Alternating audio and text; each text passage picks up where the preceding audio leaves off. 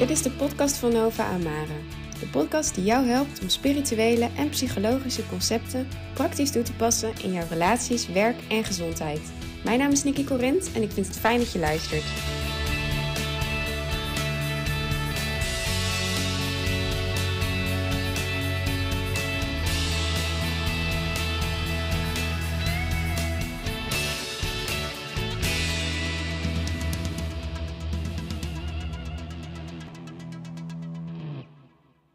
Moet ik die knoop doorhakken? En uh, de reden dat ik deze podcast maak is omdat er, ik dit zelf heel vaak gehoord heb. Uh, zelfs van coaches die op een gegeven moment zeiden, ja op een gegeven moment moet je ook gewoon een knoop doorhakken. En um, een hele goede vriendin van mij, die uh, was al een tijdje aan het twijfelen of ze ging scheiden of niet.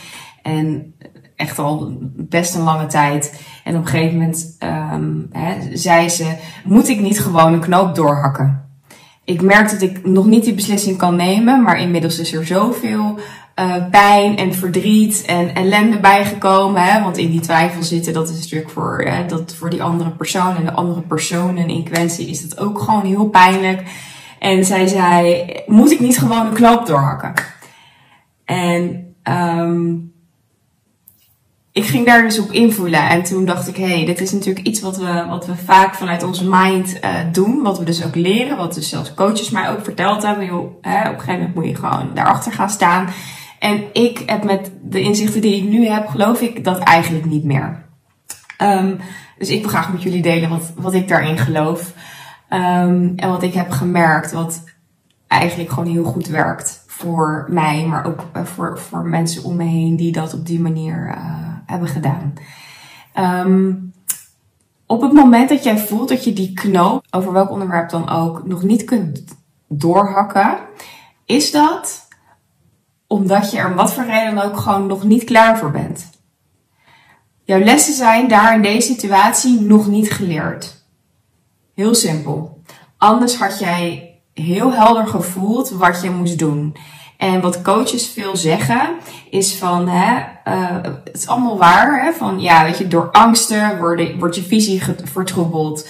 Uh, door bepaalde hechting die je hebt, door bepaalde, hè, in de scheiding bijvoorbeeld heb je natuurlijk kinderen, je hebt ouders, je hebt financiën, nou, noem maar op wat er aan scala aan dingen bij die beslissing komt kijken. En dat is allemaal waar. Tegelijkertijd is het echt zo dat als jouw ziel, hè, als jij aligned bent met je zielpad en je, je bent op een punt dat je, dat je echt uh, op, op, je, op je pad, dat je klaar bent om een bepaalde beslissing te nemen, dan neem je hem. En dan doet het nog pijn, dan is het nog verdrietig, is het nog vervelend. Maar dan voel je wel helder, ondanks al die dingen die ik voel, is dit toch wat ik ga doen. En voor sommigen komt dat op een moment dat er hè, de laatste druppel hoor je vaak. Van het stapelt op en de laatste druppel. En nu kan ik het doen. Dat kan. Um, het kan ook zijn dat je dat, die, hè, dat voor bent door te stoppen met rennen. Dus wat je vaak ziet is op het moment dat we in een situatie zitten waar we uit willen. Een hele pijnlijke situatie. We willen eruit. We willen een knoop doorhakken. Dan gaan we rondjes rennen. Uh, dus dan gaan we eigenlijk allerlei dingen gaan we, gaan we achterna rennen. We gaan oplossingen bedenken. Um, ik hoorde uh, Jurian, uh, dokter Jurian, hoorde ik daar een mooie metafoor over zeggen. Zijn coach had dat weer gebruikt. Die zei eigenlijk moet je zien als een rotonde.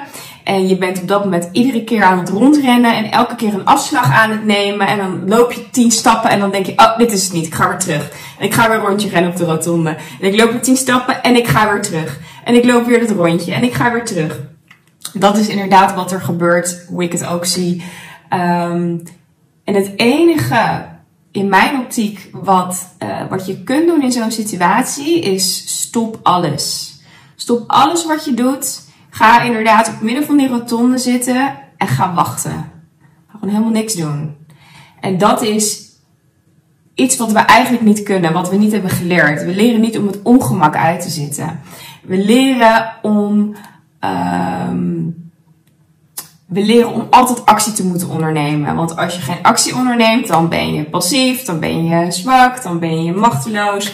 Uh, we zijn een hele actiegerichte maatschappij. Dus als jij niks doet, dat is, dat is niet goed. Dan, dan kom je in de ellende. En uh, je ziet dat heel veel mensen dat waarschijnlijk om je heen ook zeggen. Als jij je verhaal, je situatie gaat delen. Zo zie je dat heel veel mensen zeggen, ah, je moet gewoon de knoop doorhakken. Weet je, ga maar gewoon doen. Um, terwijl uh, ik, ik zou willen voorstellen, doe eigenlijk hetgene wat het meest counterintuitive voor je voelt. En dat is gewoon helemaal niks doen. Ga maar gewoon voelen hoe het voelt, het ongemak. Geef het ook gewoon aan aan de mensen om je heen. Um, ik doe even niks. Ik weet even niet wat ik moet doen, maar ik doe even niks. En je gaat gewoon voelen. En je gaat voelen, je gaat je dag vullen met de dingen die je leuk vindt. Je hebt natuurlijk gewoon je verplichtingen die je moet doen. Je kan ook denken, dat hoor ik ook vaak met werk. Mensen die twijfelen over werk. Moet ik weg, moet ik niet weg? Um, ik zeg ook altijd, doe gewoon helemaal niks. Ga werken. Ga daar echt je all in geven. Ga daar echt je best voor doen. Op het moment dat jij passief achterover gaat zitten en je gaat je werk uh, verruineren en je gaat daar niet je best voor doen, dan ga je ook nooit aantrekken wat je wel wil. Want wat je op dat moment aan het uitzenden bent, is, nou ja, ik, ik ben niet committed, ik vind het niet belangrijk, uh, ik gooi er eigenlijk met de pet naar. En dan trek je allerlei negativiteit naar je toe. Dus wat belangrijk is, is op dat moment blijf je doen wat je doet, maar je probeert zoveel mogelijk dat te doen vanuit uh, commitment. Oké, ik, eh, totdat ik een beslissing heb genomen, ga ik mijn best doen hier. Totdat ik mijn beslissing heb genomen, ga ik gewoon mijn best doen hier. En dat kan zijn dat je uh, uh, natuurlijk wat, misschien wat minder enthousiast voelt, dat soort dingen, dat is allemaal oké. Maar dat is een belofte die je vanaf dat moment jezelf doet. Totdat ik een beslissing kan nemen, blijf ik mijn best doen hier. En dat kan in elke situatie zijn. Een vriendschap, een relatie, werk. Uh, wat voor situatie dan ook waarvan je voelt, um, ik moet een knoop doorhakken. Uh, ga je dat doen. En op een gegeven moment, en dat gaat op, als je deze tooling, als je deze manier gaat toepassen, gaat het eerder vroeg dan laat zijn. Ga je voelen wat je mag doen. En dan komt het vanuit een rust. Omdat dan ga je gewoon voelen, wauw, dit is wat ik wil doen. En het kan zijn dat het in één keer de knoop doorhakken is. Het kan ook zijn dat er kleinere stapjes zijn. Zoals hè, deze uh, persoon in kwestie waar ik het over had. Die voelde eigenlijk van, oké, ik voel nu heel duidelijk. Nou, dat ze eigenlijk twee maanden niks had gedaan. Uh, stay put, bleef zitten waar ze zit. En haar, haar best gedaan daar. Voelde ze na twee maanden, ik wil graag een plekje voor mezelf. Ik wil graag even apart wonen, uit elkaar wonen in ieder geval en even daar gaan zijn. Dat was de stap die zij voelde dat ze mocht nemen. Maar dat kwam echt vanuit zo'n rust dat ze aan niemand meer advies heeft gevraagd. Ze heeft aan niemand meer gevraagd: wat moet ik doen? Ze voelde gewoon: scheiden, niet scheiden, weet ik niet. Maar in ieder geval moet ik dit gaan doen. Ik moet nu apart gaan wonen. En dat is wat het is. En wat ik heel sterk geloof, en zelf in mijn leven honderden keren heb meegemaakt, maar ook bij andere mensen keer op keer keer heb gezien. Op het moment dat jij jezelf gaat forceren om een keuze te maken vanuit je mind, of vanuit wat andere mensen vertellen wat je moet doen, of vanuit de druk die misschien van je partner of je werkgever of die vriendschap of wie dan ook komt, die wil dat jij eigenlijk die beslissing gaat nemen. En je gaat eigenlijk uit ongemak, omdat je het ongemak niet kan uitzitten, ga jij die knoop doorhakken heel interessant wat er dan gebeurt. Is of je trekt gewoon een situatie aan die exact dezelfde problematiek in zich heeft. Dus misschien andere poppetjes, uh, net iets andere setting. Maar de problematiek is hetzelfde. Het gevoel wat het jou geeft is hetzelfde. Want jij hebt je les daar nog niet geleerd. Of je wordt weer teruggezogen in de oude situatie. Dus dan heb je heel stoer heb je die knoop doorgehakt. En op je mind ga je er stappen op ondernemen en je gaat die dingen doen. En uiteindelijk merk je eerder vroeg dan laat dat je gewoon weer teruggezogen wordt in de situatie. Omdat jij die beslissing hebt genomen op je mind. En hij is niet aligned met je gevoel. En uiteindelijk wint je gevoel altijd. We kunnen het heel vaak overroelen, maar het stopt gewoon een keer.